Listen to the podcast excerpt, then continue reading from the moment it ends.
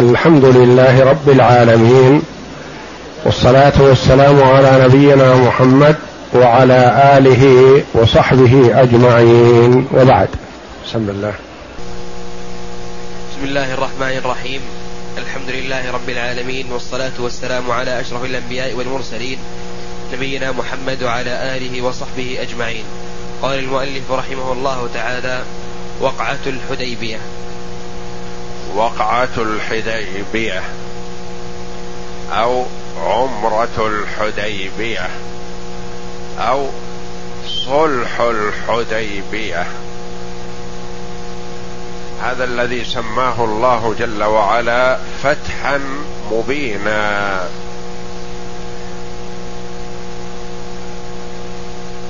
النبي صلى الله عليه وسلم رأى رؤيا أنه دخل المسجد الحرام معتمرا. ومعه الصحابة رضي الله عنهم منهم المحلق ومنهم المقصر.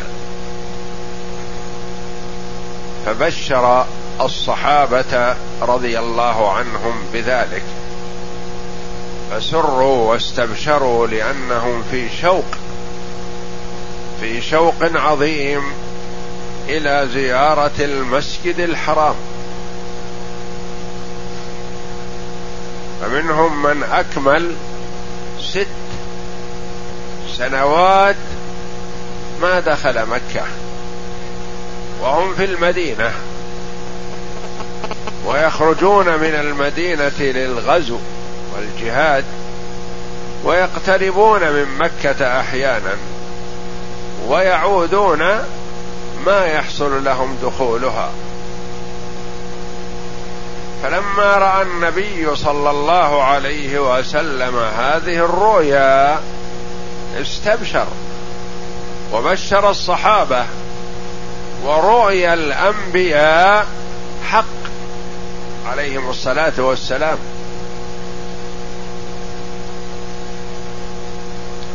والرؤيا الصالحة جزء من ست وأربعين جزءا من النبوة.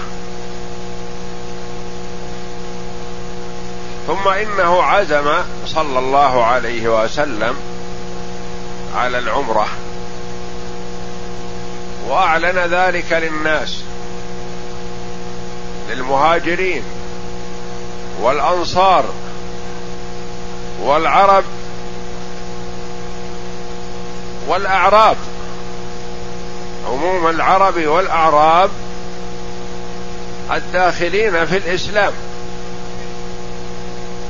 وكان يحب صلى الله عليه وسلم أن يكون معه العدد الكبير ياخذوا مناسكهم منه صلى الله عليه وسلم.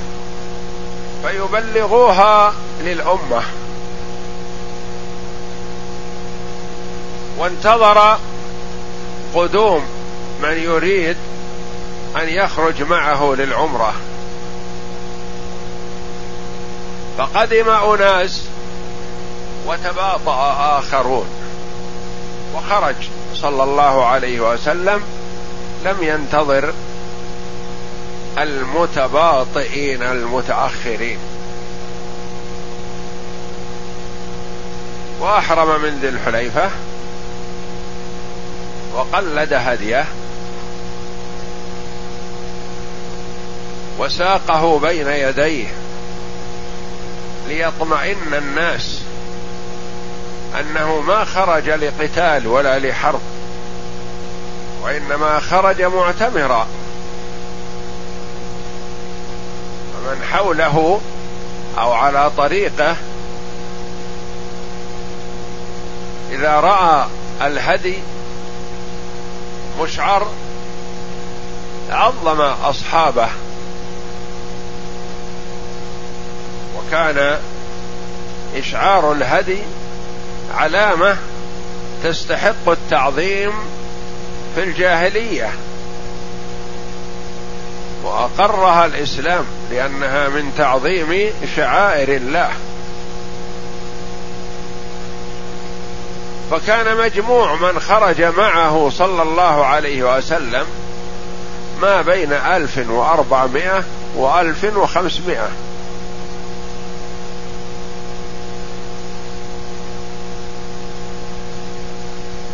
ثم حصل ما حصل من الرد والوقوف في وجهه صلى الله عليه وسلم وحصل ما حصل من الصلح الذي رآه كبار الصحابة رضي الله عنهم في غضاضة على الإسلام والمسلمين.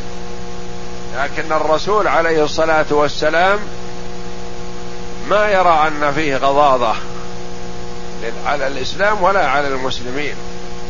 أقره وأبرمه مع سعي كبار الصحابة ومنهم عمر رضي الله عنه في أن لا يتم هذا الصلح. ما يرى رضي الله عنه. فتم الصلح وأنزل الله جل وعلا. والنبي عائد من الحديبية إلى المدينة. ما دخل مكة. إنا فتحنا لك فتحا مبينا. فدعا رسول الله صلى الله عليه وسلم عمر. لأنه هو الذي حمل لواء العرض على الرسول أن لا يقبل هذا الصلح. فقال أو فتح هو يا رسول الله؟ يعني نصل إلى مشارف مكة ونقف عندها ثم نرد ولا ندخل مكة. ونتحلل على حدود الحرم ونحن نشاهد الحرم ولا ندخل.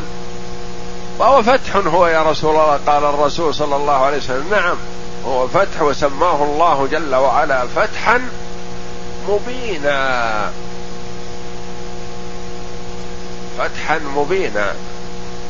ما وجه هذا الفتح؟ والله أعلم. انظر. النبي صلى الله عليه وسلم ثلاث عشرة سنة بمكة. يدعو إلى الإسلام. وفي المدينة خمس سنوات كاملة وهذا أول السادسة. أو أو في آخر السادسة لأنه في ذي القعدة. ست سنوات يدعو إلى الإسلام. كم المجموع؟ تسع عشرة سنة. والحصيلة الذين خرجوا مع النبي صلى الله عليه وسلم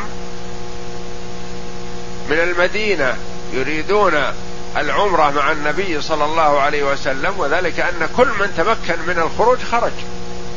كم هم؟ ما بين 1400 و 1500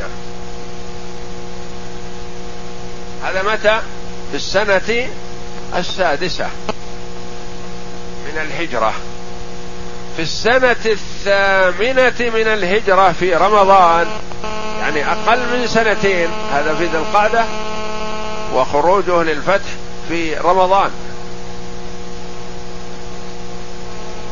السنة الثامنة خرج معه عشرة آلاف.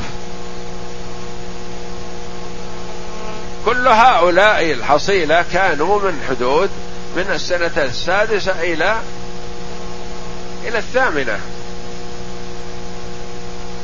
من أول البعثة إلى السنة السادسة الحصيلة 1400 1500 من السادسة إلى الثامنة زادوا 1500 صاروا عشرة آلاف. لأنها قامت الدعوة إلى الله جل وعلا.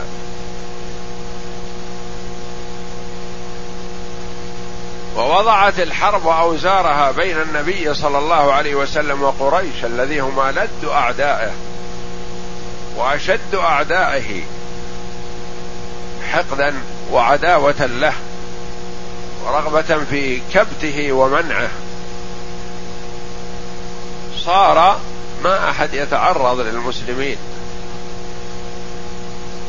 أكثر ما يتخوف وأشد ما يتخوف المسلمون من كفار قريش وأعوانهم وحلفائهم.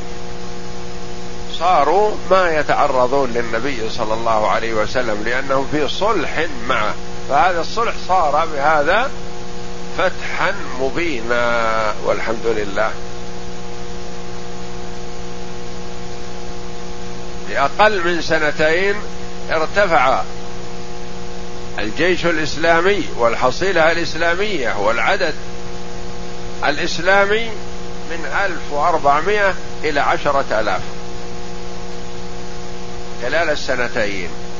فلذا سماه الله جل وعلا فتحا مبينا.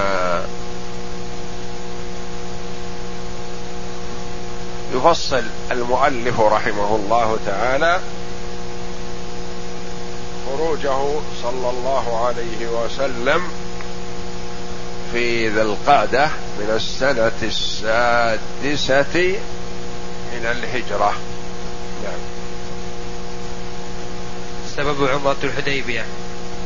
ولما تقدم التطور في الجزيرة العربية إلى حد كبير لصالح المسلمين أخذت طلائع الفتح الأعظم ونجاح الدعوة الإسلامية تبدو شيئا فشيئا وبدأت التمهيدات لإقرار حق المسلمين في أداء عبادتهم في المسجد الحرام الذي كان قد صد قد صد قد صد عنه المشركون منذ منذ ستة أعوام. منذ هاجر عليه الصلاة والسلام إلى السنة السادسة وهو ما يستطيع الوصول إلى مكة. أري رسول الله صلى الله عليه وسلم في المنام وهو بالمدينة أنه دخل هو وأصحابه المسجد الحرام وأخذ مفتاح الكعبة وطافوا واعتمروا وحلق بعضهم وقصر بعضهم فأخبر بذلك أصحابه ففرحوا وحسبوا أنهم دخلوا مكة عام عامهم ذلك. وأخبر أصحابه أنه معتمر. جهزوا جازمين على أنهم سيدخلون مكة لأن النبي رأى هذا وروي الأنبياء حق. لكن النبي صلى الله عليه وسلم قال لهم هل قلت لكم هذه السنة؟ تدخلون. تدخلون وتعتمرون منكم المحلق ومنكم المقصر. لكن متى؟ الله أعلم. هذا بيد الله. والصحابة رضي الله عنهم اشرأبوا على أن هذه السنة. ولهذا كل من استطاع الخروج خرج مع النبي صلى الله عليه وسلم خاصة من المهاجرين والأنصار رضي الله عنهم اللي تباطؤوا طائفة من الأعراب.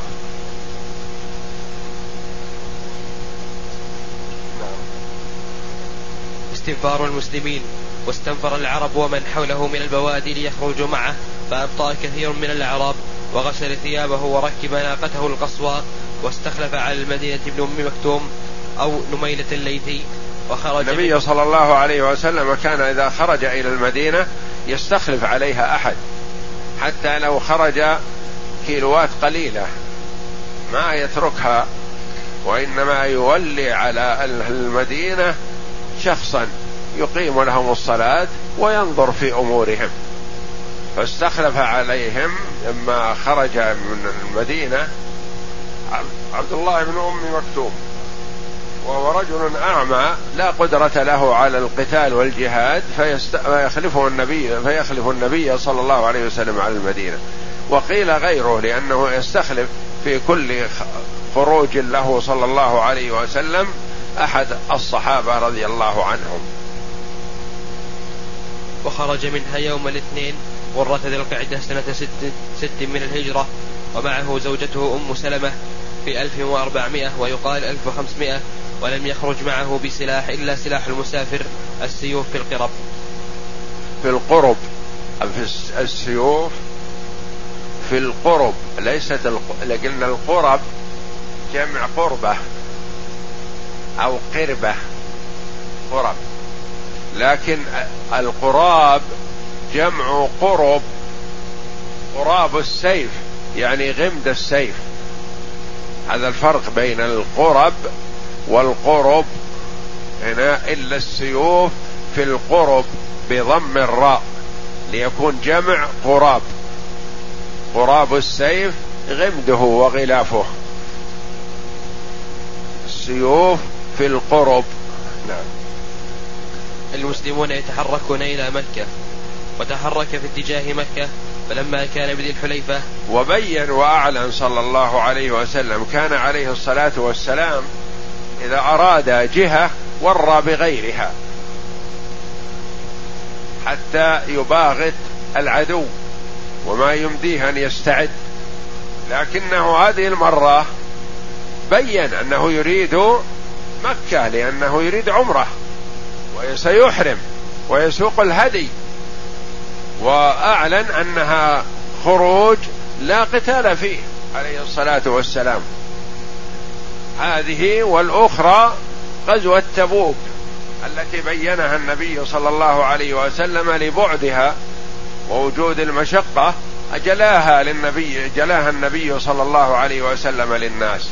وإلا فكان قد كان من سياسته وحكمته عليه الصلاة والسلام أنه إذا أراد أن يذهب إلى شرق المدينة أخذ يسأل عن المياه غرب المدينة. وإذا أراد أن يذهب شمال المدينة أخذ يسأل عن المياه والمواطن وكذا. شرق, المدينة أو غرب المدينة أو جنوب المدينة ما يسأل عن عن المياه والمواطن التي يريد الاتجاه لها لأن فيه عيون وجواسيس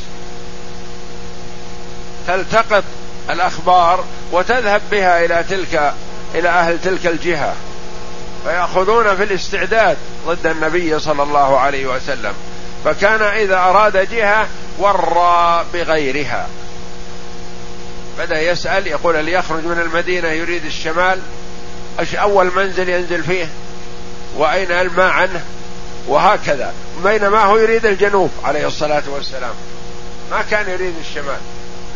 وإذا أراد الشرق مثلا سأل عن الغرب. المياه في الغرب والمراعي والقرى اللي أمامنا والمساكن وكذا وكذا. بينما هو يريد غير تلك الجهة لأجل اللي يلتقطون الأخبار يغرر بهم فلا يأخذون شيئا صحيحا ولا يعلمون من أراد الاتجاه إليه عليه الصلاة والسلام. أما هذه العمرة فهذه اولا أنها عمرة ثانيا أنه يريد الإحرام والإحرام ظاهر. ثالثا أنه ساق الهدي عليه الصلاة والسلام والهدي لتعظيم بيت الله.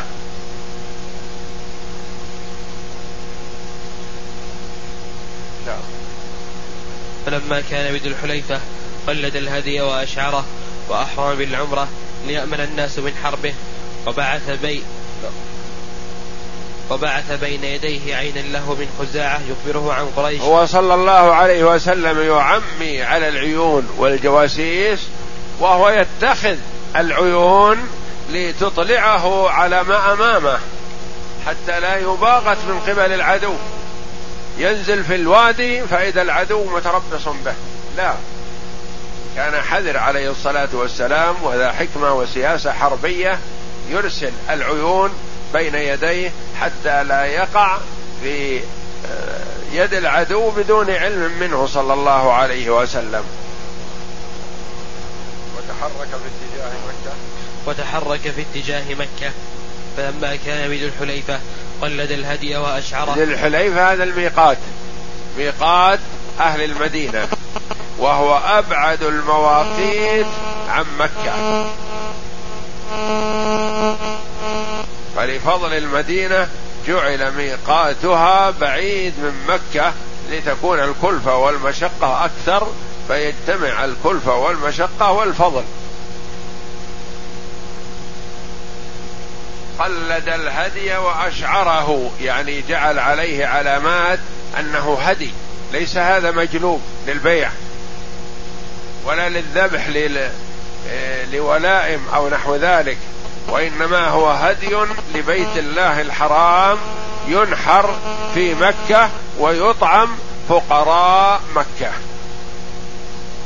ولفضل مكة وأهلها جعل الله جل وعلا لهم الطعمة في كثير من الأحوال. فقراء مكة لهم الهدي ولا يعطى فقراء غير مكة. فقراء مكة لهم الفدي والكفارات التي تكون على الحجاج في فعل محظور أو ترك واجب أو نحو ذلك. كل هذه تكون لفقراء مكة. هذه طعمة ساقها الله جل وعلا لمن صبر نفسه واحتسب ورغب في الجوار ببيت الله الحرام. جعل الله له هذه الطعمة تأتيه من إخوانه المسلمين.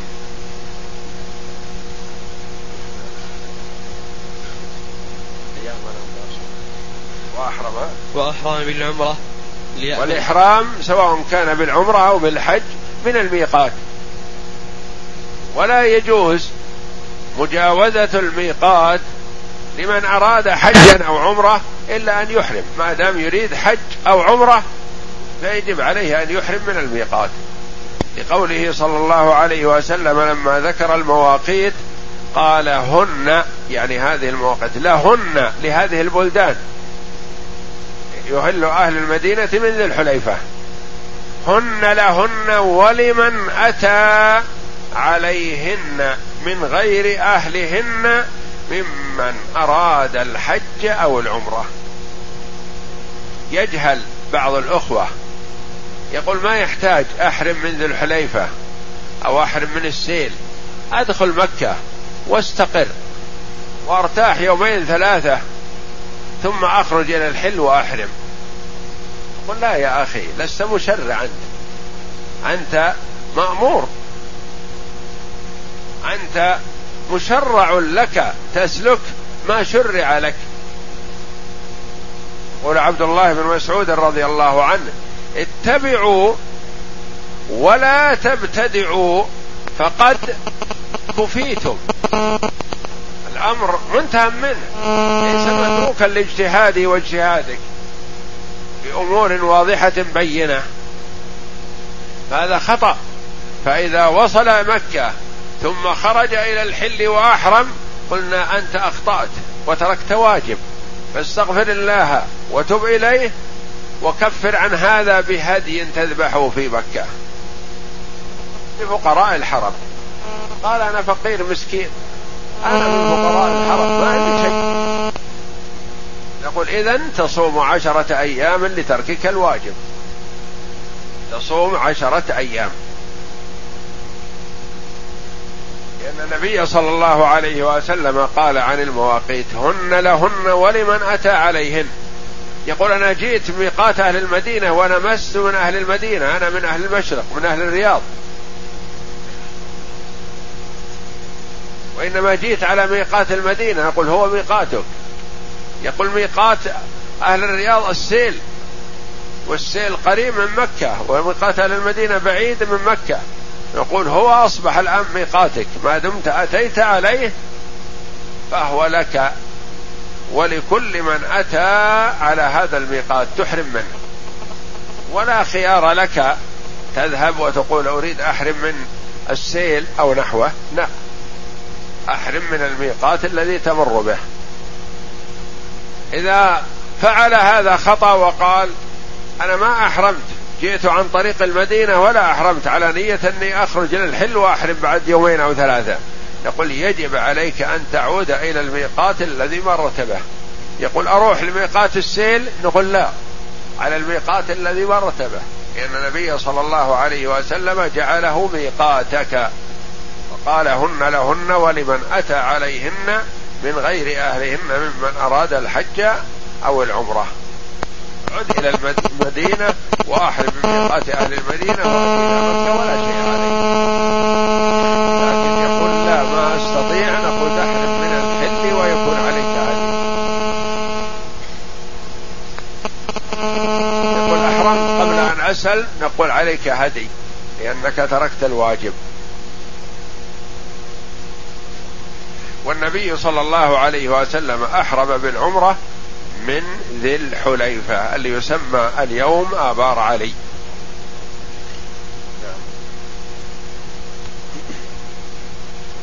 وأحرم بالعمرة. وأحرم بالعمرة ليأمن الناس من حربه وبعث بين يديه عينا له من خزاعة يخبره عن قريش حتى إذا كان خزاعة موافقة.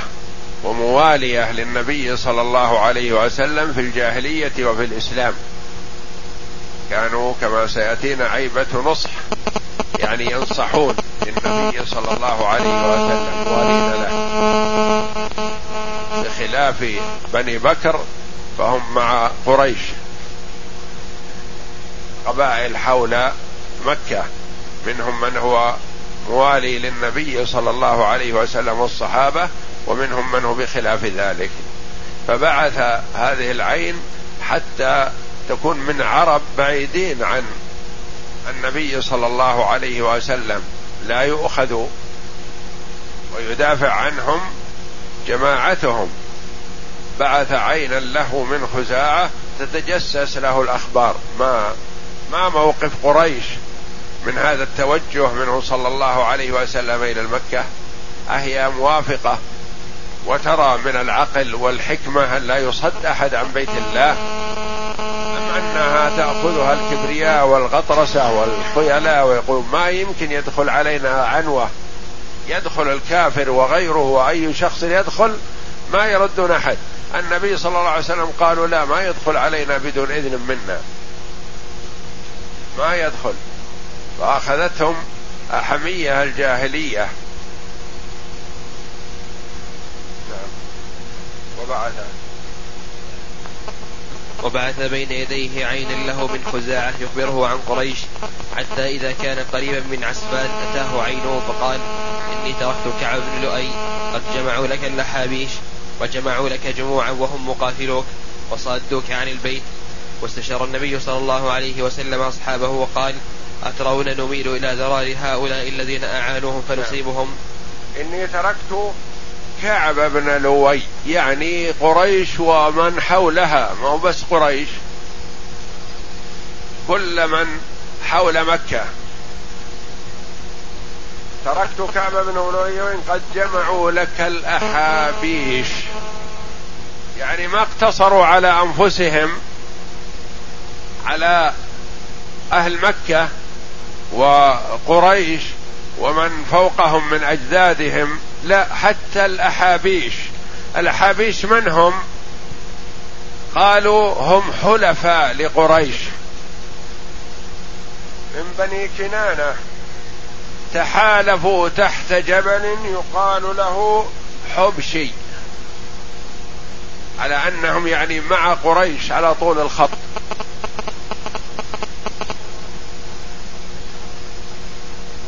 فسموا الأحابيش.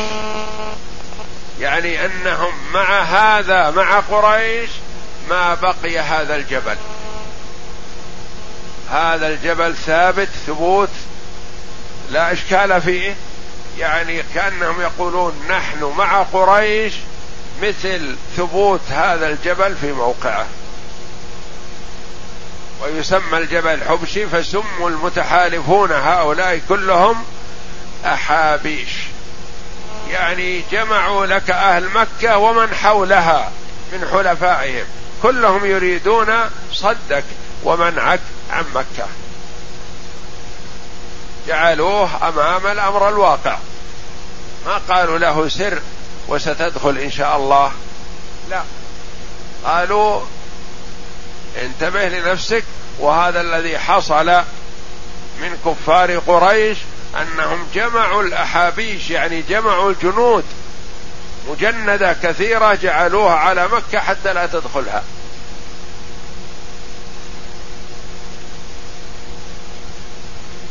وجمعوا لك جموعا وهم مقاتلوك وصادوك عن البيت. يعني ما لن يتركوك تدخل. النبي صلى الله عليه وسلم كان يأتيه الوحي من السماء والأمر من الله تبارك وتعالى. وهو موفق لكنه يشرع لأمته عليه الصلاة والسلام. ما ينبغي للقائد أن يستبد بالأمر لأنه قد يخطئ ويصيب ويؤتى من حيث لا يشعر. لكن إذا كان الرأي رأي مجموعة إذا أبداه الشخص مثلا بين ما عليه الآخرون وهكذا حتى يختاروا الرأي الذي يرونه أوفق. جمع الصحابة رضي الله عنهم واستشارهم. قال ما رأيكم؟ نحن الآن معتمرون وهؤلاء يريدون صدنا عن البيت. أترون أن ننصرف إلى ذرار هؤلاء الذين تجمعوا في مكة؟ فنأخذهم غنيمة. بلا قتال. يعني الأماكن التي حول مكة تجد ما فيها الآن إلا النساء والأطفال. المقاتلون جاءوا إلى قريش. لما جاءوا محاربين للنبي صلى الله عليه وسلم. ألا ترون أن نميل على ذرار هؤلاء الذين تركوهم وجاءوا لحربنا ونستولي عليهم ونأخذهم ونبيعهم. غنيمة للمسلمين. وهم البادون في المحاربة. ثم إن حصل قتال وقتلوا هؤلاء الرجال الذين جاءوا فهي شوكة كسرت واسترحنا منها. وإن عادوا إلى أوطانهم عادوا بأشر حال. دون زوجة ولا ولد ولا بنت. يعود رجال فقط. هم في حالة خزي سلموا أو هلكوا. وهم البادون في الظلم. أم أننا كما أردنا وتوجهنا نريد مكة للعمرة ونعتمر فإن صدونا قاتلناهم والله يعيننا على ذلك. ما ترون هذا أو هذا؟ فأشار أبو بكر رضي الله عنه بأن نتوجه إلى ما توجهنا إليه. ما عندنا ما نوينا القتال ولا نوينا الاستيلاء ولا نريد المغنم وإنما نريد بيت الله لنطوف به. في شوق تام رضي الله عنهم إلى الطواف.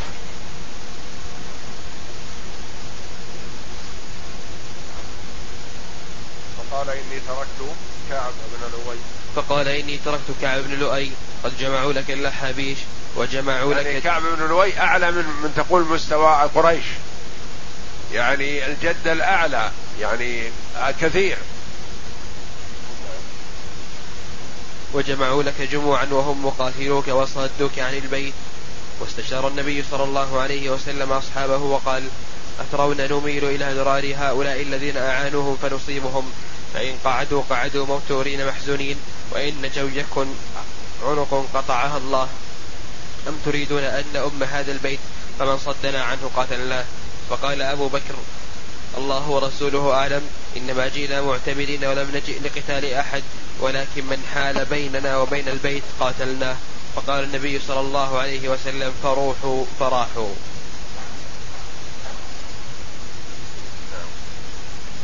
محاولة قريش صد المسلمين عن البيت. وكانت قريش لما سمعت بخروج النبي صلى الله عليه وسلم عقدت مجلس استشاري قرر فيه صد المسلمين عن البيت كيفما يكن كيفما يمكن. فبعد أن أعرض يعني اجتمعوا وتشاوروا كذلك قريش. وقريش إذا اجتمعوا وتشاوروا يكون جليسهم الشيطان. والمشير عليهم الشيطان اللعين. والنبي صلى الله عليه وسلم معه الرحمن الرحيم جل جلاله وتقدست أسماؤه. شتان بين المجلسين. مجلسي الاستشارة. مجلس فيه النبي صلى الله عليه وسلم والصحابة رضي الله عنهم وأرضاهم ومعهم الله جل وعلا بتأييده والملائكة وجبريل. ومجلس شيطاني فيه الشيطان رئيسهم يترأس بهم ويزكهم. المجلس الرحماني عليه الرحمة والنظر بالتعقل والبصيرة والمصلحة وتعظيم شعائر الله. والمجلس الشيطاني فيه الغطرسة والكبرياء والخيلاء وصد من أراد تعظيم شعائر الله. المسلمون ساقوا الهدي يريدون تعظيم شعائر الله يريدون الطواف بالبيت. قالوا لا يتحدث الناس إن محمد ذهب للمدينه ودخل علينا بدون استشارة منا ما يدخل. وهم يدخلون الكافر والفاجر لمكه ويمنعون النبي صلى الله عليه وسلم من دخولها عليه الصلاة والسلام. ما هذا إلا من الغطرسة والكبرياء والعياذ بالله.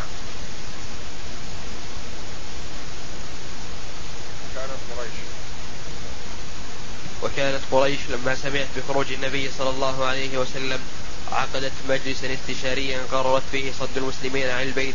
كيفما يمكن. فبعد أن أعرض رسول الله صلى الله عليه وسلم عن الأحابيش نقل إليه رجل من بني كعب أن قريش نازلة بذي طوى وأن مئتي فارس في قيادة خالد بن الوليد مرابطة بكراع الغميم في الطريق الرئيسي الذي يوصل إلى مكة. وقد حاول خالد صد المسلمين فقام بفرسانه إزاءهم يتراءى الجيشان. ورأى خالد المسلمين في صلاة الظهر يركعون ويسجدون. فقال لقد كانوا على غرة. لو كنا حملنا عليهم لأصبنا منهم ثم قرر أن يميل على المسلمين وهم في صلاة العصر ميلة ولا واحدة. ولكن الله أنزل حكم صلاة الخوف ففات الفرصة خالدا وقريش تشاوروا وقالوا نصد مهما كان الثمن. لو ذهبنا كلنا قتلى لا نمنع لا ندخله ونحن نستطيع. قرروا أن يجعلوا جيشهم نوعين. الخيول السريعه ومعها القادة الاقوياء تتقدم. تصد عن تصد الرسول صلى الله عليه وسلم معه عن القرب من مكة. فإذا تغلب الرسول على الخيل وإلى الجيش وراءه يصده ثانيا. وأخذوا الاحتياطات اللازمة وجعلوا على الخيل خالد ابن الوليد رضي الله عنه وأرضاه قبل أن يسلم. وكان ما هزم رضي الله عنه في معركة في الجاهلية ولا في الإسلام. يعني تغلب على المسلمين رضي الله عنه في غزوة أحد كان بسبب رأي خالد رضي الله عنه لأنه كان مع جيش الكفار. وخالد معه الفرسان أمام مكة على الطريق الرئيسي حتى إذا جاء الرسول يريدون الدخول صدوه. فأخبر صلى الله عليه وسلم بأن خالد بن الوليد ومعه الفرسان في المكان ذا كذا. قال لا نريد مقابلتهم. من منكم يدلنا على طريق يتجنبهم؟ والرسول عليه الصلاة والسلام ابن مكة لكن يريد طريق ملتوي بعيد عن طريق الجيش لأنه عليه الصلاة والسلام جاء محرما معتمرا ما يريد قتال وإلا هو الشجاع عليه الصلاة والسلام. لكن يريد البعد عن القتال حول مكة ما يريد القتال حول مكة. قال لعلنا ندخل من طريق ما يعلمون عنه فما يدرون عنا إلا ونحن في مكة ما يعملون شيء. وخالد كان يرقب المسلمين يطالع تحركاتهم وأفعالهم. شوفهم ما هم بعيدين عنه. اجتمعوا مع النبي صلى الله عليه وسلم. المسلمون يصلون صلاة الظهر. صلاة السفر ركعتين. وصلوا وانتهوا. تأسف. خالد حيث فاتته هذه الفرصة. فاتته. فرصة انشغال النبي صلى الله عليه وسلم ومن معه بالصلاة يقول لو غرنا عليهم هجمنا عليهم وهم يصلون. لكن هو يعرف لأن الرسول كان يصلي في مكة.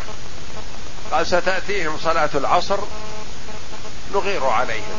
إذا دخلوا في صلاة العصر أغرنا عليهم. وهو ما يعلم رضي الله عنه أنه سيكون سيفا من سيوف الله. ما يعلم أنه كان رضي الله عنه يتمنى أن يقتل في سبيل الله.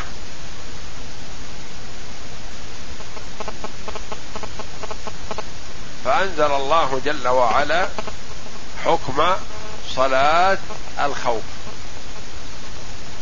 علم ما في نفس خالد من رغبته في الإغارة على المسلمين في صلاة العصر فأنزل الله صفة صلاة الخوف. وصفة صلاة الخوف صحت عن النبي صلى الله عليه وسلم من ستة أو سبعة أوجه. لأن العدو قد يكون في جهة القبلة وقد يكون خلف القبلة. وقد يكون العدو مثلا يمين أو شمال لكل حالة صفة.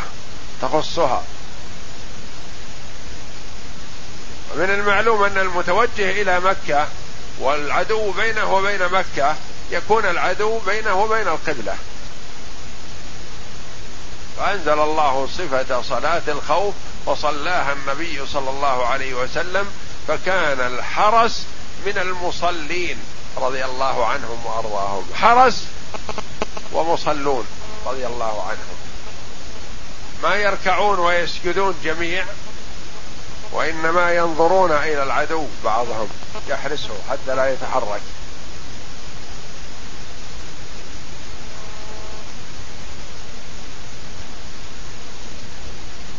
نعم. تبديل الطريق ومحاولة الاجتناب عن اللقاء الدامي. وأخذ رسول الله كان حريص عليه الصلاة والسلام كل الحرص ألا يتقابل مع قريش في قتال. ما يحب أن يهريق دما عليه الصلاة والسلام وهو محرم. وأخذ رسول الله صلى الله عليه وسلم طريقا وعرا بين شعاب وسلك بهم ذات اليمين بين الظهرين. يعني قال للحاضرين من منكم يدلنا على طريق غير الطريق العام؟ فقام أحد الصحابة فقال أنا يا رسول الله. ودلهم عليه. ودلهم وسار مع طريق وعر إلا أنه موصل. فلما انتهوا من هذا الطريق الوعر ووصلوا إلى المكان السهل. قال قولوا نستغفر الله. فبادر الصحابة رضي الله عنهم قائلين نستغفر الله. فقال عليه الصلاة والسلام إنها الحطة التي أمرت بها بنو إسرائيل فأبوها. الصحابة رضي الله عنهم إذا أمرهم النبي صلى الله عليه وسلم بأمر سارعوا إليه. بنو إسرائيل بخلاف ذلك كانوا متعنتين متشددين مع أنبيائهم. قال لهم قولوا حطة فقالوا حبه حنطة. عناد. حطة يعني يحطط عنا خطايانا. والنبي عليه الصلاة والسلام قال للصحابة قولوا نستغفر الله. فقالوا نستغفر الله. ما قالوا ما أذنبنا يا رسول الله كيف نستغفر؟ لا. سارعوا إلى ما أمرهم به. بنو إسرائيل لما قيل لهم قولوا حطة أي احطط عنا خطايانا قالوا حبة حنطة. ولما قيل لهم ادخلوا الباب سجدا دخلوا على العكس والعياذ بالله.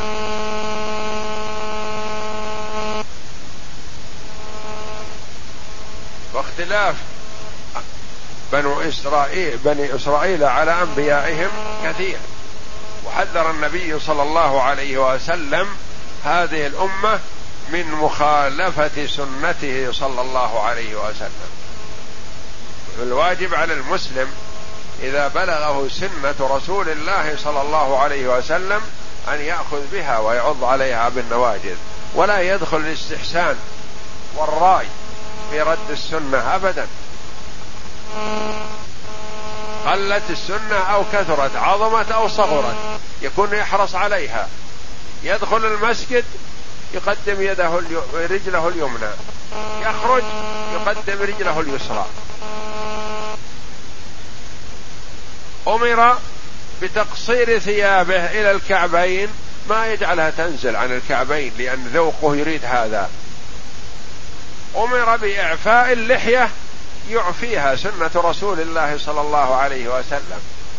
ما يقول هذا شيء بسيط والإنسان حر التصرف في نفسه. لا مو بحر مأمور مدبر موجه من ربه تبارك وتعالى. مأمور بستر عورته يستر. مأمور بأن يأكل من كذا ويمتنع من كذا يلتزم. مأمور بأن يمتنع إذا أراد الصيام من طلوع الفجر إلى غروب الشمس. ما يقول خلاص غربت الشمس ما بقي إلا ربع ساعة على الغروب. ناكل. لا. يمتثل ويطبق ما يقول ما يضر الأكل ما دام الشمس ما طلعت. النهار يبدأ من طلوع الشمس. وأنا أريد آكل حتى تطلع إلى إذا طلعت الشمس توقف والفجر ما هو واضح وبين مثلا. لا.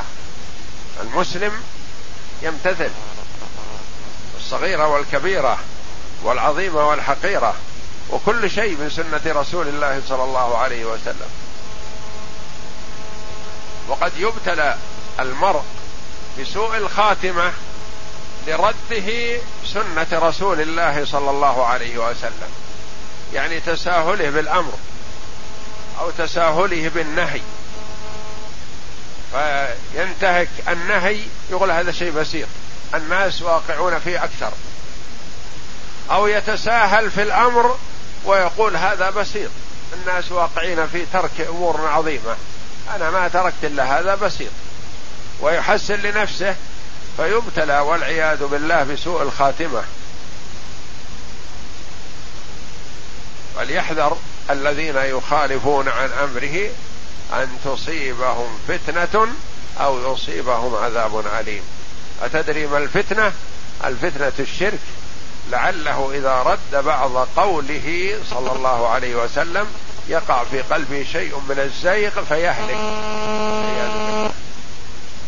بسبب مخالفة للنبي صلى الله عليه وسلم على سبيل الاستهتار أو عدم المبالاة أو نحو ذلك يهلك المرء والعياذ بالله يهلك نفسه ولا يضر الله شيئا.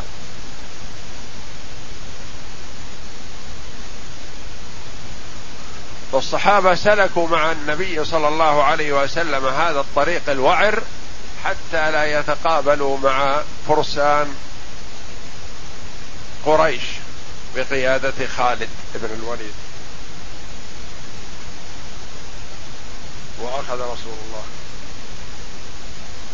وأخذ رسول الله صلى الله عليه وسلم طريقا وعرا بين الشعاب وسلك بهم ذات اليمين بين ظهري الحمش في طريق على ثنية المرار مهبط الحديبية من أسفل مكة وترك الطريق الرئيسي الذي يفضي إلى الحرم مارا بالتنعيم.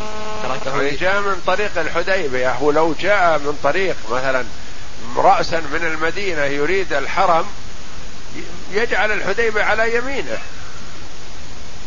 بعيدا عنه.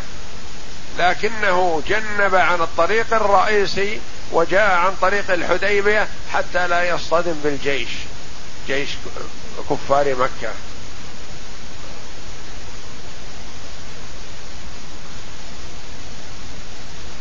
نعم. تركه إلى اليسار. يعني ترك طريق التنعيم. يعني اللي يجي من المدينة أول ما يواجه التنعيم. فترك التنعيم وميل يمينا إلى جهة الحديبية الذي نمر به ونحن قادمون من جدة. نعم. فلما رأى خالد قرة الجيش الإسلامي قد خالفوا عن طريقه انطلق يركض نذيرا لقريش. وسار رسول الله صلى الله عليه وسلم رأى خالد الغبرة ولا ما رأى الجيش؟ لكن رأى غبرة الجيش أنه جنب عنه وهو كان مترصد له. فأرسل إلى كفار قريش يخبرهم بأن محمد أفلت منا. ذهب عنا لكن قابلوها أنتم. كلهم متعاونون.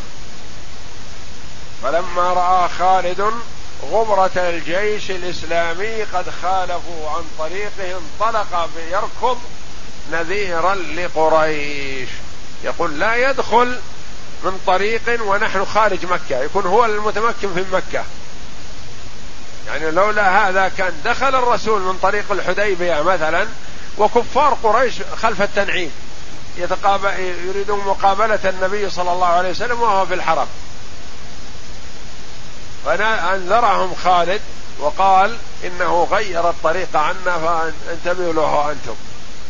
نعم وسار وسر رسول الله صلى الله عليه وسلم حتى إذا كان بثنية المرار بركت راحلته فقال الناس حل حل فأحلت فألحت. النبي صلى الله عليه وسلم حريص كل الحرص على دخول مكة. وجنب الطريق اللي فيها الجيش والفرسان ليدخل مكة من طريق ما في أحد. لكن جاء الأمر من الله جل وعلا. ما هم من طريق خالد ولا من طريق جيش كفار مكة. الصد من الله جل وعلا. بركة الناقة. هو القائد عليه الصلاة والسلام. بركة ناقته في أثناء الطريق في المكان. خلاص. قال الناس كلأت القصوى. يعني ضعفت عجزت. عجزت. قال النبي ما كلأت وليس هذا لها بخلق لكن حبسها حابس الفيل. الله أكبر. القلب المتعلق بالله جل وعلا.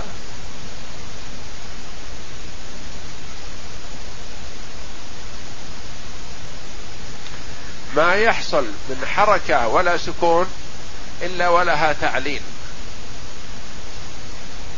الناس قالوا القصوى تعبت. تمشي من المدينة لما قربت مكة تعبت. أصابها الحفا أصابها التعب. القصوى ناقه الرسول عليه الصلاة والسلام. قال لها عليه الصلاة والسلام ما هذا منها؟ ولكن هذا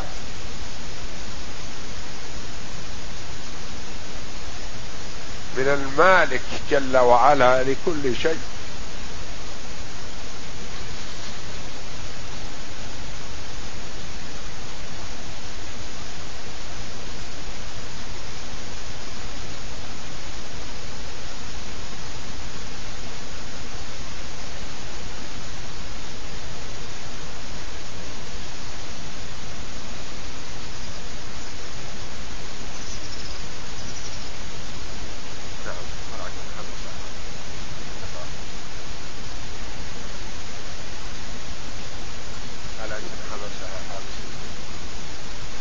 فقال الناس حل حل فألحت فقالوا خلأت القصوى خلأت القصوى.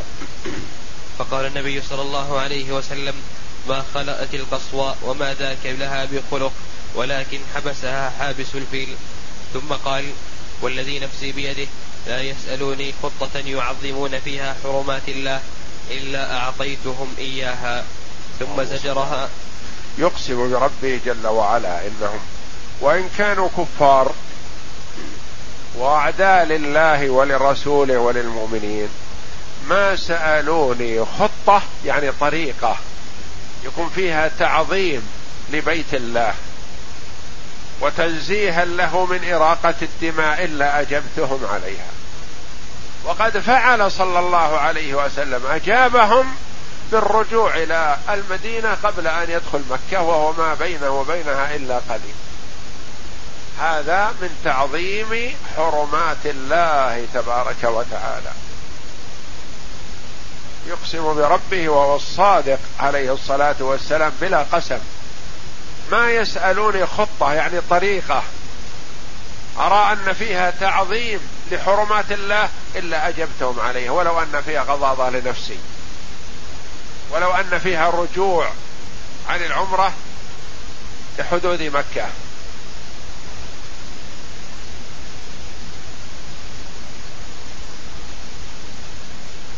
فعدل صلى الله عليه وسلم ونزل بأقصى الحديبية. الحديبية معروفة هذا التي نمر عليها في طريق جدة. قسم منها في الحل وقسم منها في الحرم فنزل صلى الله عليه وسلم في الحل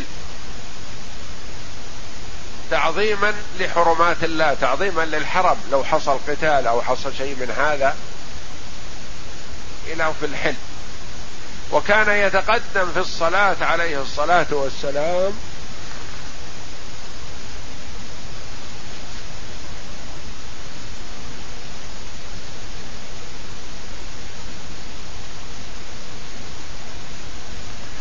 فيصلي في الحرم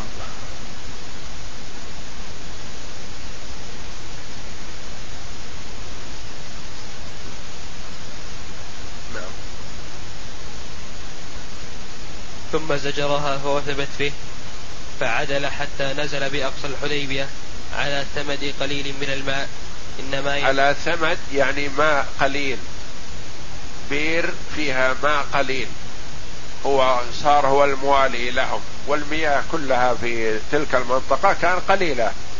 وهذا من ضمنها والجيش ألف وأربعمائة. ومشفقون على الماء ويريدون الماء. ما يقوم لهم ذلك. فأدلوا فيه. الدلو يسير فإذا به ينشف. ينتهي ما ماء جاءوا إلى النبي صلى الله عليه وسلم يا رسول الله ما في ماء. فأخذ سهما من كنانته عليه الصلاة والسلام سهم وأمر أحد الصحابة أن ينزل في البير ويغرزه فيه. فنزل أحد الصحابة رضي الله عنهم في هذا البير وغرز السهم من كنان من في البئر فثارت بالماء وارتفع واستقوا كلهم وبقيت ملأى البئر. ببركة دعوة النبي صلى الله عليه وسلم. فانتزع فانتزع سهما من كنانته ثم أمرهم أن يجعلوه فيه فوالله ما زال يجيش لهم بالري حتى صدروا. كلهم صدروا من الماء بري وأخذوا ما يريدونه من المياه مع أنه كان ضحضاح ما في شيء. إنما غرفوه أول دلو أو ثاني دلو يبس. من بركة دعوته صلى الله عليه وسلم. ونزلوا في ذلك المكان يستقون من هذا الماء واستقروا فيه. وأخذ السفراء يأتون ويعودون. والنبي صلى الله عليه وسلم حينما يقبل بعض السفراء يقول هذا غادر فانتبهوا له. صاحب غدر.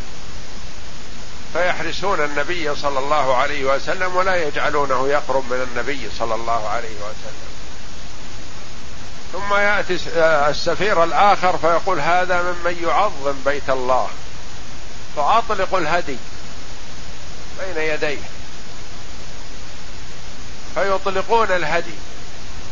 فيرى الهدي لبيت الله الحرام. والناس محرمين متوجهين إلى بيت الله الحرام. ويصدون قال ما هذا معقول ما وصل إلى النبي صلى الله عليه وسلم. كفاه المنظر. العظيم التلبية والهدي بين يديهم. هذا ما يصلح ان يردون عن البيت. رجع إلى قريش. قال أرجعوا إلى رشدكم. أنتم أهل بيت الله. مثل هؤلاء يردون عن البيت. وتكلم عليهم ووبخهم. وقالوا دعنا منك. لا خير فيك. وطلبوا من آخر. قال أخشى أن أكون مثل مصيري مثل مصير هذا. أنتم اللي يخالف رأيكم ستوبخونه وتتكلمون عليه. وأرسلوا سفير مثل سفير ما نجحت. وأرسل النبي صلى الله عليه وسلم عثمان كما سيأتينا. وتكلم معهم. وضيفوه. وصار له عصبة وبنو عم. حموه ودافعوا عنه رضي الله عنه. ثم قالوا له إن شئت أن تطوف بالبيت يمكنك لأنه محرم رضي الله عنه. قال لا والله لا أطوف به حتى يطوف به رسول الله. ورجع رضي الله عنه ما طاف بالبيت. تادبا واكراما لرسول الله صلى الله عليه وسلم. ثم تتابع السفراء حتى جاء سهيل بن عمرو كما سيأتينا إن شاء الله. فتم الصلح بين النبي صلى الله عليه وسلم وسهيل بن عمرو مع ما في بنود الصلح من ظهور الغضاضة على المسلمين لكن فيها تعظيم لشعائر الله. فيها تعظيم الذي أقسم عليه النبي صلى الله عليه وسلم لا يحصل قتال. وهذا سيأتي إن شاء الله. قال المؤلف رحمه الله تعالى إبرام الصلح وبنوده. إبرام الصلح وبنوده. نحن في عمرة الحديبية. التي أحرم بها النبي صلى الله عليه وسلم في سنة ست من الهجرة في شهر شوال.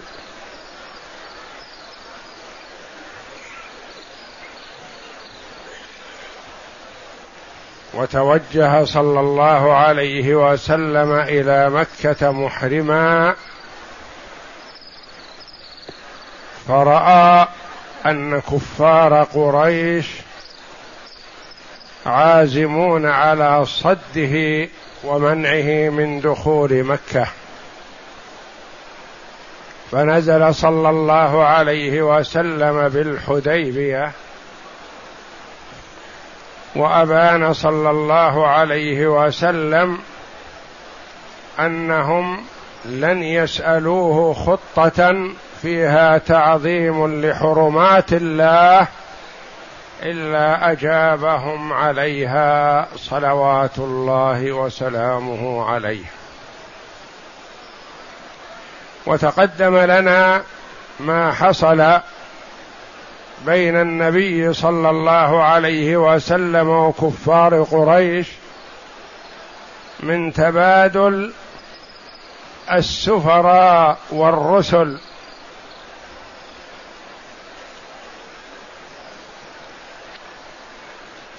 وأنه صلى الله عليه وسلم أخبر بأنه ما جاء لقتال أحد وإنما جاء للعمرة محرما ليطوف بالبيت.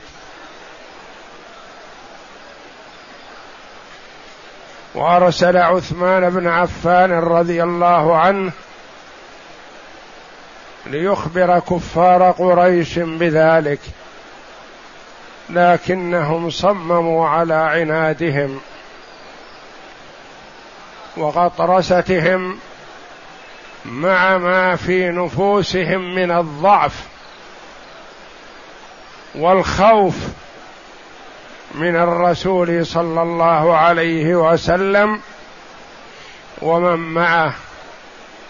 وخاصة بعدما علموا أن الصحابة رضي الله عنهم بايعوا النبي صلى الله عليه وسلم تحت الشجرة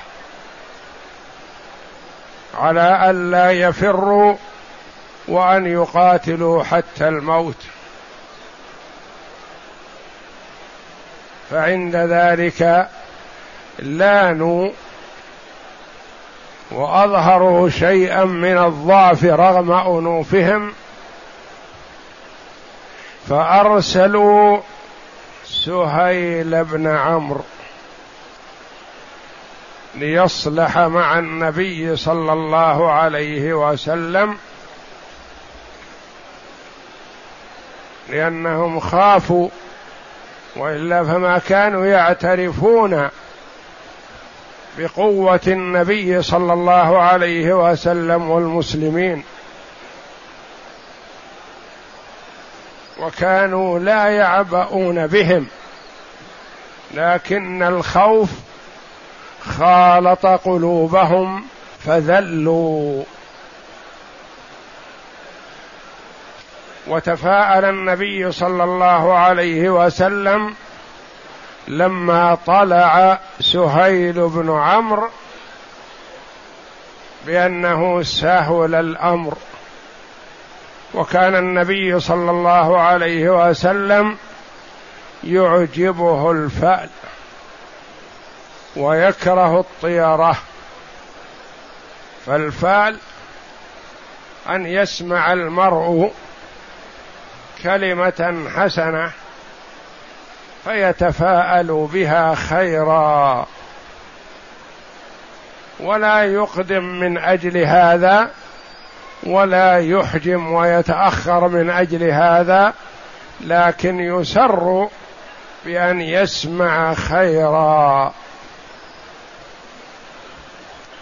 فجاء سهيل بن عمرو إلى النبي صلى الله عليه وسلم مندوبا ومفوضا من قبل كفار قريش للصلح مع النبي صلى الله عليه وسلم. نعم. وعرفت قريش حراجة الموقف فأسرعت إلى بعث سهيل بن عمرو لعقد الصلح. عرفت قريش حراجة الموقف لأن الموقف خطر. النبي صلى الله عليه وسلم يقدم ومعه خيار الناس يقدمون معه وهم على خير في كلا الحالين. إن انتصروا وغلبوا فذلك ما يريدون. وإن قتلوا فهم إلى الجنة أحياء يرزقون.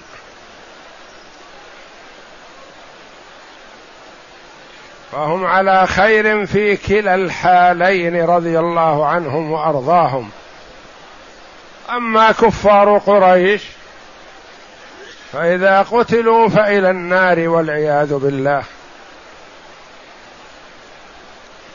فلذا عرف عقلاؤهم أن القتال والمجابهة فيها شر وضرر عليهم واضح بينما بعض سفهائهم كما تقدم لنا احبوا أن يشعلوا الفتيل لتقوم الحرب والقتال.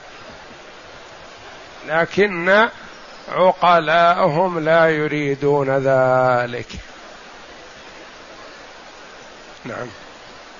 وأكدت له أن ألا يكون فأسرعت إلى بعث سهيل بن عمرو. كان هذا رأي وعقل وإدراك رضي الله عنه وأرضاه.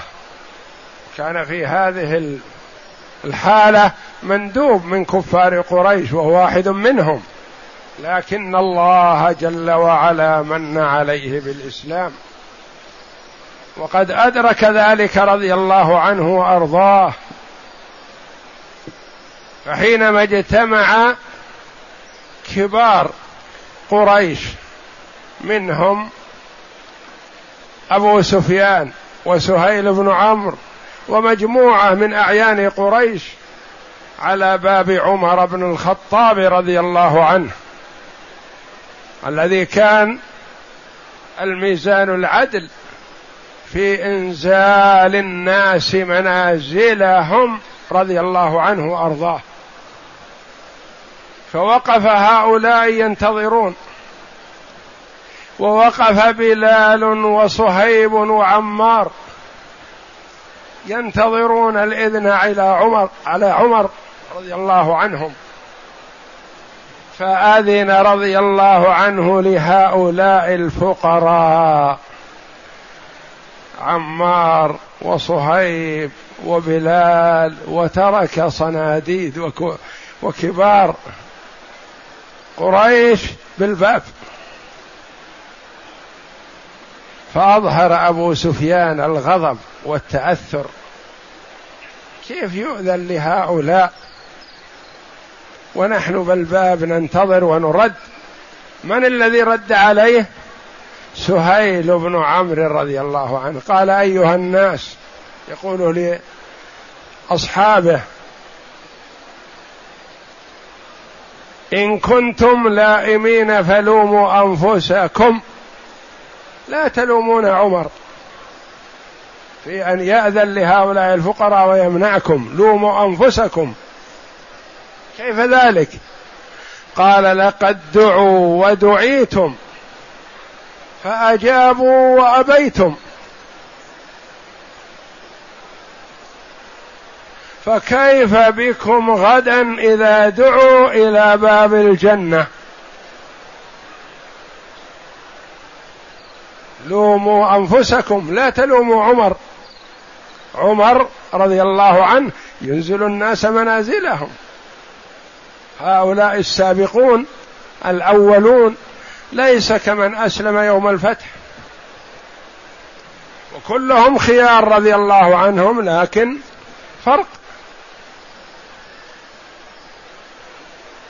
أو عليه الصلاة والسلام يقول لبعض الصحابة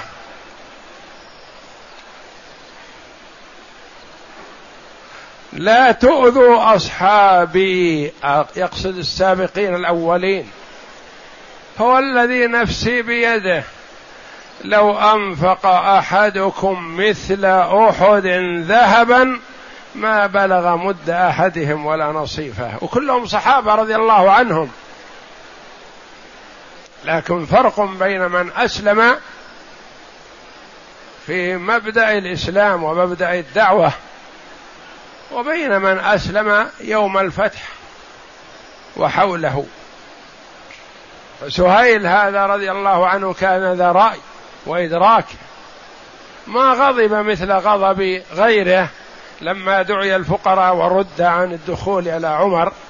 قال لا أيها الناس لوموا أنفسكم لا تلوموا عمر. إن كنتم لائمين فلوموا أنفسكم. لقد دعوا ودعيتم. فأجابوا وأبيتم. دعوا إلى الإسلام فأسرعوا رضي الله عنهم. وأنتم دعيتم معهم فأبيتم. فكيف بكم غدا إذا دعوا إلى باب الجنة قبلكم؟ ماذا تقولون؟ هؤلاء لهم منزلة وسابقة في الإسلام. وعمر رضي الله عنه الإمام العادل الذي لا تأخذه في الله لومة لائم رضي الله عنه وأرضاه.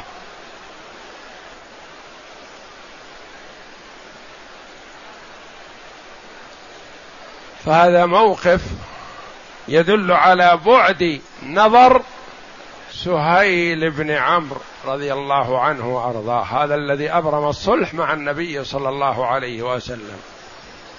نعم. وأكدت له ألا يكون في الصلح إلا أن يرجع عنا عامه هذا. وأكدت قريش لسهيل بن عمرو مندوبهم أعطوه التعليمات. قالوا انتبه لا يدخل هذه السنة مهما تكون الحال. لا تلينوا معه لأنهم أدركوا أن سهيل قد يلين.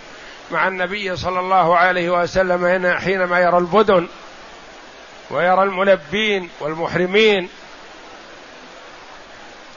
فيوافق على دخول النبي صلى الله عليه وسلم وقضاء عمرته. قالوا لا لا يدخل علينا هذه السنة لا يتحدث الناس أنه أتانا عنوة. غطرسة الجاهلية والجهل وإلا فما ما يرد أحد عن بيت الله. كانوا هم ما يردون أي أحد يأتي إلى بيت الله سوى رسول الله صلى الله عليه وسلم. وأكدت له أن لا يكون في الصلح إلا أن يرجع عنا عامه هذا. يعني يأتي مرة أخرى هذه يرجع. وقبلها النبي صلى الله عليه وسلم لحكمة يريدها الله جل وعلا. نعم. لئلا تتحدث العرب عنا أنه دخلها علينا عنوة أبدا فأتاه سهيل بن عمرو فلما رآه عليه الصلاة والسلام قال قد سهل لكم أمركم. سهل تفاءل عليه الصلاة والسلام باسم سهيل. نعم. أراد القوم الصلح حين بعثوا هذا الرجل؟ أرادوا الصلح لأن هذا رجل عاقل. ما أرسلوا رجلا جاهل معاند فهم صلى الله عليه وسلم من اختيارهم لسهيل أنهم يريدون الصلح. نعم. فجاء سهيل فتكلم طويلا ثم اتفقا على قواعد الصلح وهي هذه. تكلم طويلا مع النبي صلى الله عليه وسلم يعني أقنعه بأن الحرب لا خير فيها. وإلا فسهيل رأى الصحابة بايعوا النبي صلى الله عليه وسلم على الموت وعلى الا يفروا. لكنه حاول إقناعه بأن الحرب لا خير فيها. وضررها عظيم. وتكلم مع النبي صلى الله عليه وسلم وهو عليه الصلاة والسلام أعلم وأحكم عليه الصلاة والسلام. نعم. الأول ثم اتفقا على قواعد الصلح. قواعد الصلح فيها ثلاثة بنود كلها في الظاهر أن فيها غضاضة على الإسلام والمسلمين.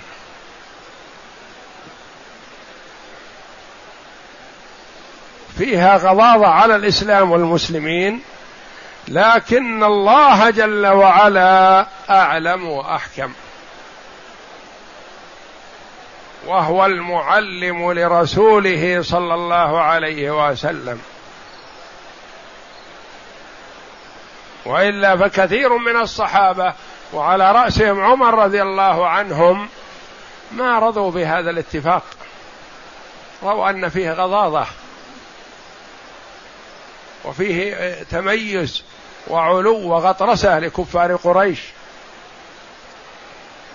لكن النبي صلى الله عليه وسلم قبل ذلك لما فيه من المصلحة العظيمة التي لا يدركها حتى كبار الناس وعقلاءهم.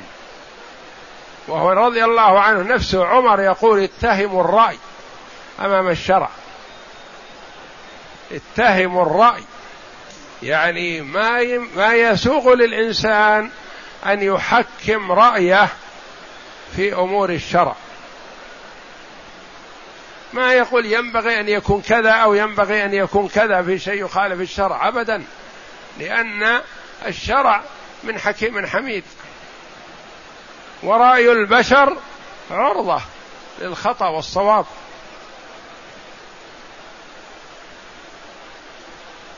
ويقول علي رضي الله عنه لو كان الدين بالرأي لكان اسفل الخف أولى بالمسح من أعلاه.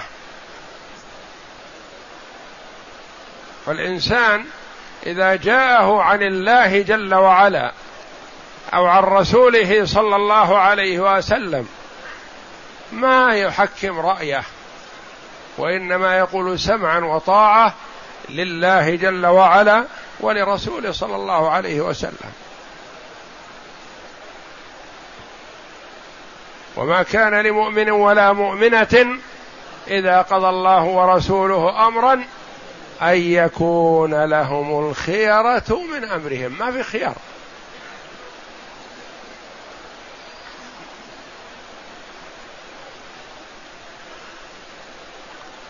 هذه البنود الثلاثة.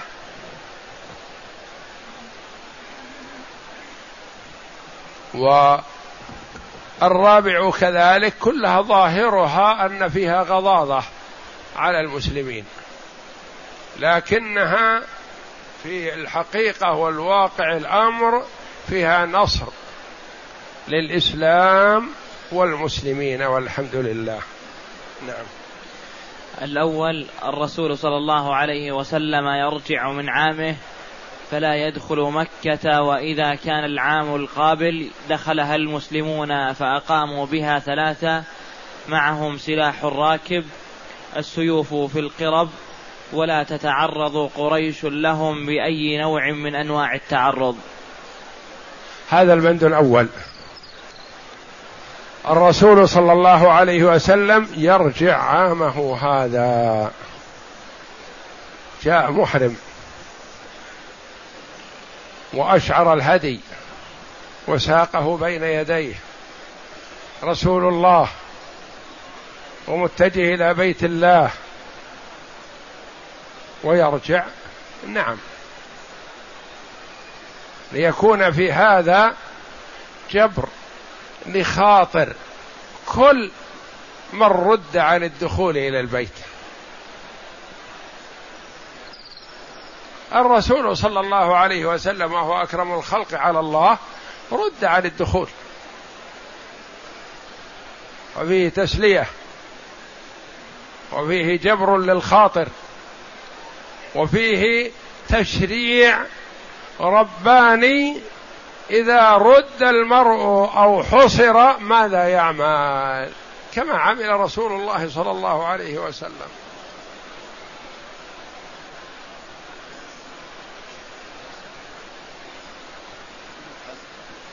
واختبار للأمة اختبار للصحابة رضي الله عنهم. في انهم ما كانوا يتوقعون أن يحصل مثل هذا ابدا. قالوا ندخل لو لم يبق منا ولا واحد. لكن الرسول صلى الله عليه وسلم قال نعم لا ندخل هذه السنة.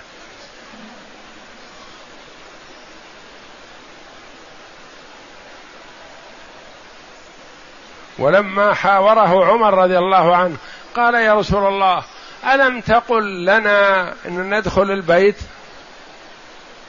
قال نعم. فهل قلت لك هذه السنة؟ تدخل البيت إن شاء الله. لكن هذه السنة أو بعدها. لحكمة يريدها الله. فقبل صلى الله عليه وسلم هذا ورجع كما سيأتينا ونحر هديه وحلق رأسه ورجع إلى المدينة وتسمى هذه عمرة الحديبية. تحلل عليه الصلاة والسلام بالحديبية وهو يرى البيت ولم يدخله عليه الصلاة والسلام. ثم اعتمر صلى الله عليه وسلم في السنة السابعة يعني بعد سنة. وقريش أخلت مكة وأبعدت عن البيت للنبي صلى الله عليه وسلم ومن معه نعم. الثاني وضع الحرب بين الطرفين عشر سنين. يأمن فيها الناس ويكف بعضهم يأمن فيها الناس. يأمن فيها الناس ويكف بعضهم عن بعض. هذا البند الثاني. وضع الحرب بين الطرفين عشر سنين. هذه السنة السادسة. يعني الرسول صلى الله عليه وسلم وقريش لا يحارب بعضهم بعض عشر سنين. يعني من السنة السادسة إلى السنة السادسة عشرة. والرسول صلى الله عليه وسلم لحق بربه في أول السنة الحادية عشرة. والله جل وعلا وعد رسوله صلى الله عليه وسلم فتح مكة. وأنه يفتحها. وكيف يفتحها؟ وقد اصطلح مع الرسول مع كفار قريش أنه لا يحاربهم ولا يحرمونه عشر سنين. يعلم الله جل وعلا أنهم ينقضون هذا الصلح وإلا فالرسول أوفى الخلق عليه الصلاة والسلام بالعهد حتى مع الكفار. فنقضوا. هذا الصلح في السنة السادسة ونقضوه في السنة الثامنة. ما طال. سنة وشيء.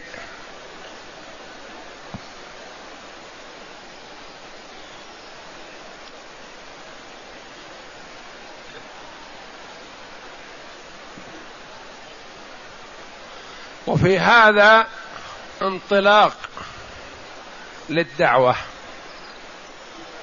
لأن كفار قريش كانوا محاربين للنبي صلى الله عليه وسلم. فما يمتد في الدعوة إلى الله. لكن لما تعاهد معهم حصل امتداد وانطلاق في الدعوة إلى الله جل وعلا. نعم.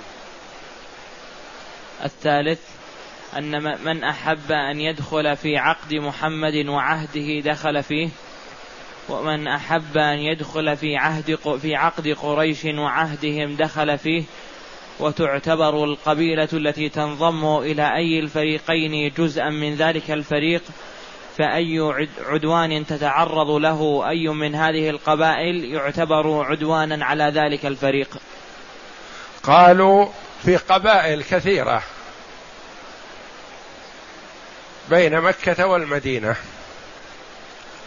وهذا العقد بين محمد صلى الله عليه وسلم والصحابة رضي الله عنهم وبين كفار قريش. لا يتعرض هؤلاء لهؤلاء ولا هؤلاء لهؤلاء. ثم أعلنوا هذا للقبائل. وفي هذا انتصار للنبي صلى الله عليه وسلم والصحابة أنه أصبح الآن قريش تعتبره مثلها ولا كان قبل ما ما يعتبرونه شيء. فقالوا من أراد أن يدخل في عهد وعقد محمد دخل. فله ما له. ومن أحب أن يدخل في عقد وعهد قريش دخل. فدخلت خزاعة في عقد وعهد النبي صلى الله عليه وسلم. ودخلت بنو بكر في عقد وعهد قريش.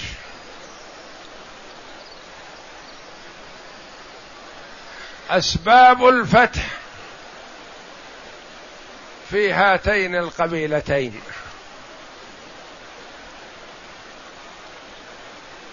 هاتان القبيلتان تتحارب. ليسوا داخلين في العهد فيما بينهم. لكن ما أحد من كفار قريش ومن حولهم يؤذي خزاعة لأن خزاعة تبع النبي صلى الله عليه وسلم. ولا من أصحاب النبي صلى الله عليه وسلم من يتعرض لبني بكر لأنه إذا تعرض لبني بكر كأنه تعرض لقريش. لكن بنو بكر وخزاعة يتحاربون ليل نهار ما يهم.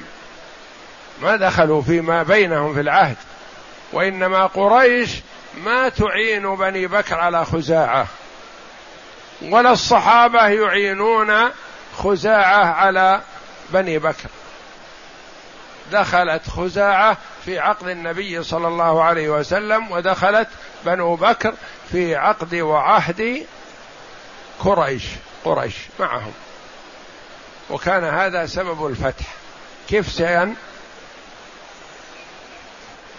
تحاربت بنو بكر وخزاعة. كما هي عادة العرب عند أتفه الأسباب تقوم الحروب الطاحنة بينهم. ما يهم ما ليس هذا داخل في عهد فيما بينهم لكن بعض كفار قريش أعانوا بني بكر على خزاعة فنقضوا العهد الذي بينه وبين النبي صلى الله عليه وسلم. يعني ما من حق قريش أن تعين بني بكر على خزاعة لأنها كأنها عانتهم على الفئة التي مع النبي صلى الله عليه وسلم. فانتقض عهد كفار قريش فتم الفتح والحمد لله في السنة الثامنة من الهجرة.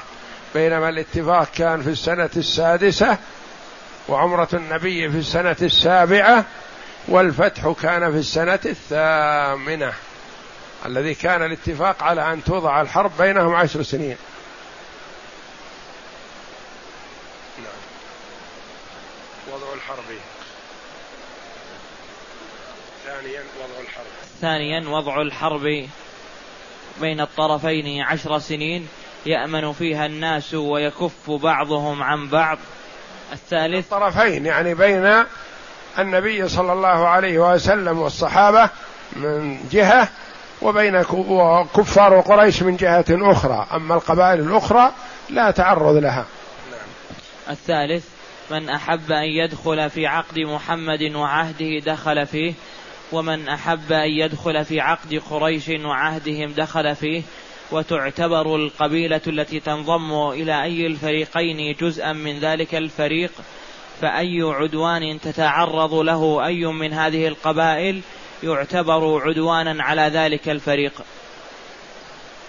الرابع نعم الرابع. الرابع من أتى محمدا من قريش من غير إذن وليه أي هاربا منهم رد عليهم ومن جاء قريشا من محمد ومن جاء ومن جاء ومن جاء قريشا مما ممن مع محمد أي هاربا منه لم يرد عليه. من أتى محمدا من قريش من غير إذن وليه أي هاربا منه رده عليهم. هذا الذي أثر على عمر وعدد من الصحابة. ومن جاء إلى قريش هاربا مرتدا من محمد صلى الله عليه وسلم إلى قريش ما يرد إلى النبي صلى الله عليه وسلم. قل عمر كيف هذا؟ من أتانا مسلم نرده عليهم. ومن هرب من عندنا لا لا يرد إلينا فنؤدبه هذا الذي أثار عمر رضي الله عنه وما تحمله. لكن النبي صلى الله عليه وسلم تحمله لحكمة. كان فيه نصر. يعني ظاهر الأمر كيف هذا؟ يأتينا مسلم ثم نرد على كفار قريش يؤدبونه وينتقمون منه. ويذهب منا المرتد ولا يرد إلينا لنؤدبه. كان في ظاهر الأمر لو كانت المسألة بالرأي لقلنا الأولى العكس. من أتانا مسلم نقول هذا مسلم فر إلى الله ورسوله. ومن هرب منا نقول ردوه علينا حتى نؤدبه وننتقم منه ونجري فيه أحكام الله جل وعلا. لكن لا صار بخلاف هذا.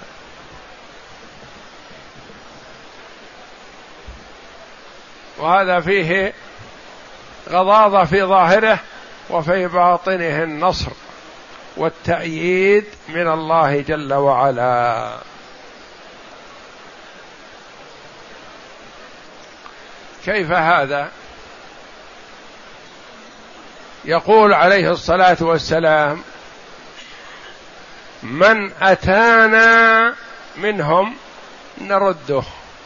والله جل وعلا سيتولاه ويجعل له فرجا ومخرجا.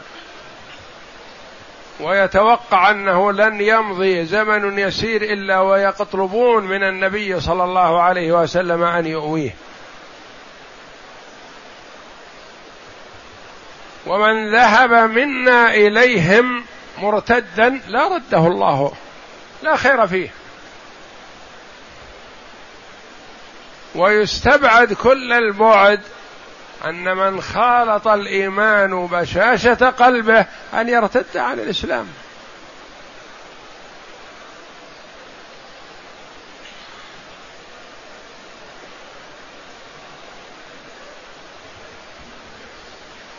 ثم في هذا الأثناء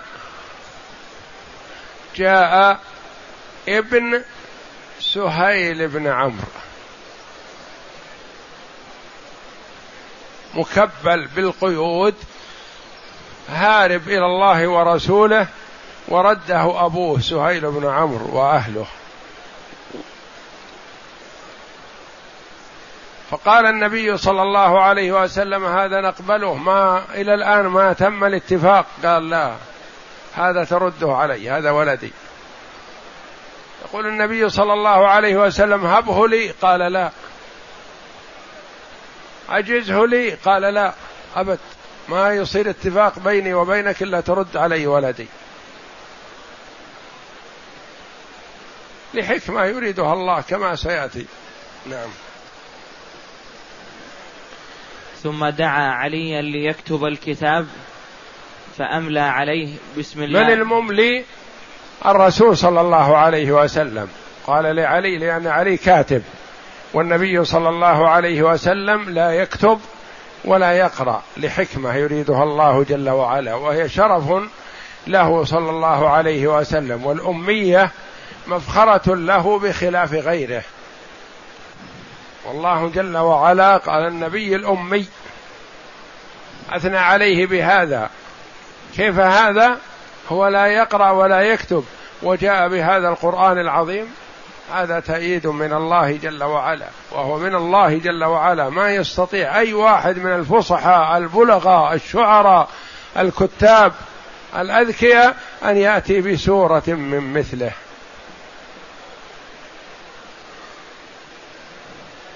فأملى عليه. بسم الله الرحمن الرحيم.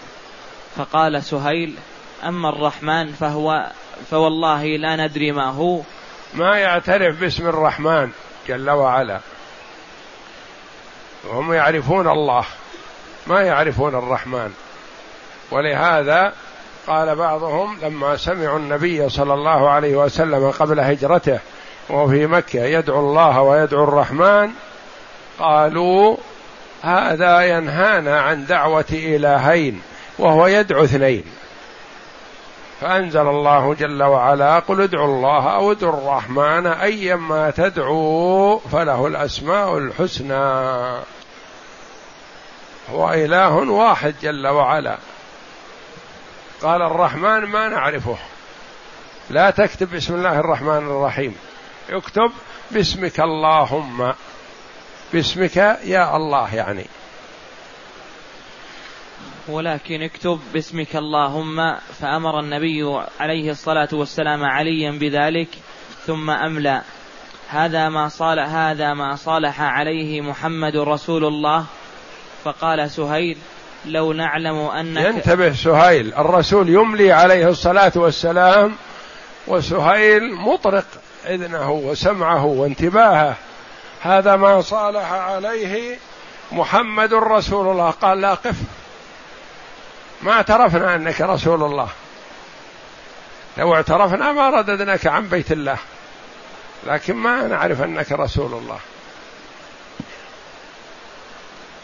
لو نعلم أنك رسول الله ما صددناك عن البيت.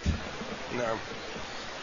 فقال سهيل لو نعلم أنك رسول الله ما صددناك عن البيت ولا قتلناك ولكن اكتب محمد, محمد بن عبد الله. اكتب اسمك الذي نعرفه محمد بن عبد الله بن عبد المطلب. فقال إني رسول الله وإن كذبتموني وأمر عليا أن يكتب محمد بن عبد الله ويمحو لفظ رسول الله. فأبى علي أن يمحو هذا اللفظ فمحاه صلى الله عليه وسلم بيده. رغبة من النبي صلى الله عليه وسلم في إبرام الصلح لما اعترض سهيل بن عمرو على كلمة محمد رسول الله قال لو نعرف أنك رسول الله ما قتلناك لكن اكتب محمد بن عبد الله. علي رضي الله عنه كتب هذا ما صالح عليه محمد رسول الله. قال الرسول صلى الله عليه وسلم لعلي امسح كلمة رسول الله. قال والله لا أمسحها لا أمحوها. أنت رسول الله. فأبى رضي الله عنه أن يمسحها وما تجرأ أن يمسحها بيده. فقال عليه الصلاة والسلام أرنيها. فأراه إياها فمسحها بيده عليه الصلاة والسلام. كل هذا رغبة في إبرام الصلح نعم فمحاه صلى الله عليه وسلم بيده ثم تمت كتابة الصحيفة ولما تم الصلح دخلت خزاعة في عهد رسول الله صلى الله عليه وسلم وكانوا حليف بني هاشم منذ عهد عبد المطلب كما قدمنا في أوائل المقالة فكان دخولهم في هذا العهد تأكيدا لذلك الحلف القديم ودخلت بنو بكر في عهد قريش نعم. رد أبي جندل.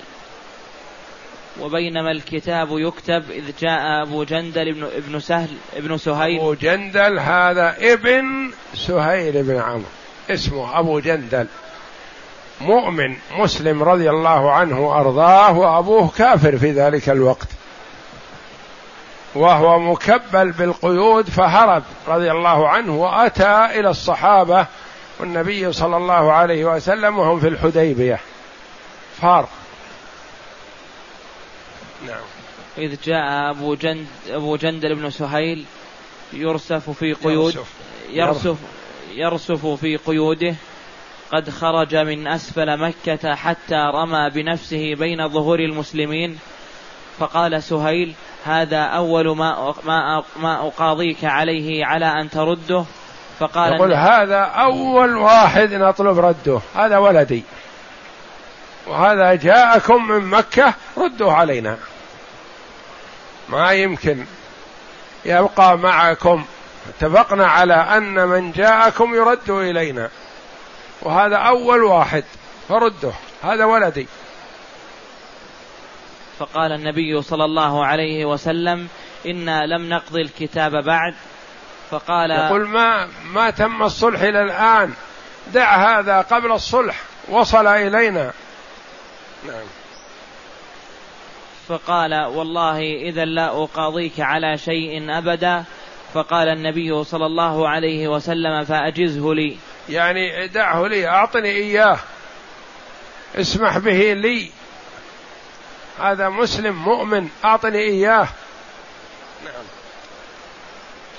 فأجزه لي. قال والله قال ما أنا بمجيزه لك. يعني ما يمكن أن أسمح ولا أعطيك إياه. بل لابد أن يرد معي. قال بلى فافعل. قال ما أنا بفاعل. بلى فافعل. يترجاه النبي صلى الله عليه وسلم ويطلب منه أن يأذن لهذا المسكين. يرسف في قيوده. جاء هارب إلى الله ورسوله. يقول أعطني إياه. بلى فافعل. يعني اذن فيه لي. قال ما أنا بفاعل. وقد ضرب سهيل أبا جندل في وجهه وأخذ بتلابيبه وجره ليرده إلى المشركين وجعل أبو جندل يصرخ بأعلى صوته يا معشر المسلمين أأرد إلى المشركين يفتون يفتنونني عن ديني؟ فقال رسول الله صلى الله عليه وسلم يا أبا جندل اصبر واحتسب فإن الله جاعل لك ولمن معك من المستضعفين فرجا ومخرجا. إنا قد عقدنا بيننا وبين القوم صلحا وأعطيناهم على ذلك وأعطونا عهد الله فلا نغدر بهم. الرسول صلى الله عليه وسلم أوفى الناس بالعهد. يقول تعاهدنا على هذا والله جل وعلا سيجعل لك فرجا ومخرجا. اصبر واحتسب. وهكذا ينبغي للمؤمن إذا ابتلي ببلية أن يصبر ويحتسب. ويسأل الله جل وعلا الإعانة ويسأل الله جل وعلا أن يجعل له فرجا ومخرجا. فوثب عمر بن الخطاب رضي الله عنه مع أبي جندل يمشي إلى جنبه ويقول اصبر يا أبا جندل فإنما هم المشركون إنما دم أحدهم دم كلب ويدني قائم السيف منه. يقول عمر رجوت أن يأخذ السيف فيضرب به أباه فظن الرجل بأبيه ونفذت القضية. عمر رضي الله عنه يعرض لأبي جندل. يقول أجي بجواره والسيف بيدي ما ما يجوز أن يناوله إياه لكن بيده. وأقول اصبر. يصبر أبا جندل رضي الله عنه. ويقول إنما هم المشركون. يعني وأبوك دمها الآن دم كلب لا قيمة له. يعني مثل كأنه يقول له خذ السيف واضرب عنقه واسترح. لكن لله في ذلك حكمة. ما صار هذا؟ لأن الله جل وعلا يعلم أن سهيل بن عمرو يسلم ويكون من جد الله ومن أنصار دين الله رضي الله عنه وأرضاه. اصبر. واحتسب انما هم المشركون. ودم الواحد منهم دم كلب. يقول لا يهمك. خذ السيف واضرب به أباك واسترح. لكن يقول الرجل ظن بأبيه. يعني ما سمحت نفسه أن يقتل أباه حتى وإن كان مشرك ومؤذيه وهو مؤذيه. لحكمة يريدها الله جل وعلا.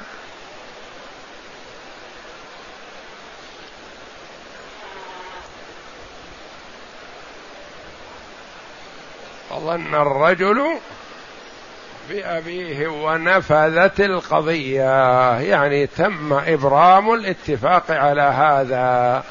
وسيأتي أن الله جل وعلا جعل لأبي جندل ومن معه من الفقراء الصحابة رضي الله عنهم المستضعفين الفرج والمخرج حيث أرسل كفار قريش يطلبون من النبي صلى الله عليه وسلم ويرجونه أن يقبل هؤلاء ويؤويهم إليه لأنهم تأذوا منهم. لحكمة يريدها الله جل وعلا والله جل وعلا أعلم وأحكم. وصلى الله وسلم وبارك على عبده ورسول نبينا محمد وعلى آله وصحبه أجمعين.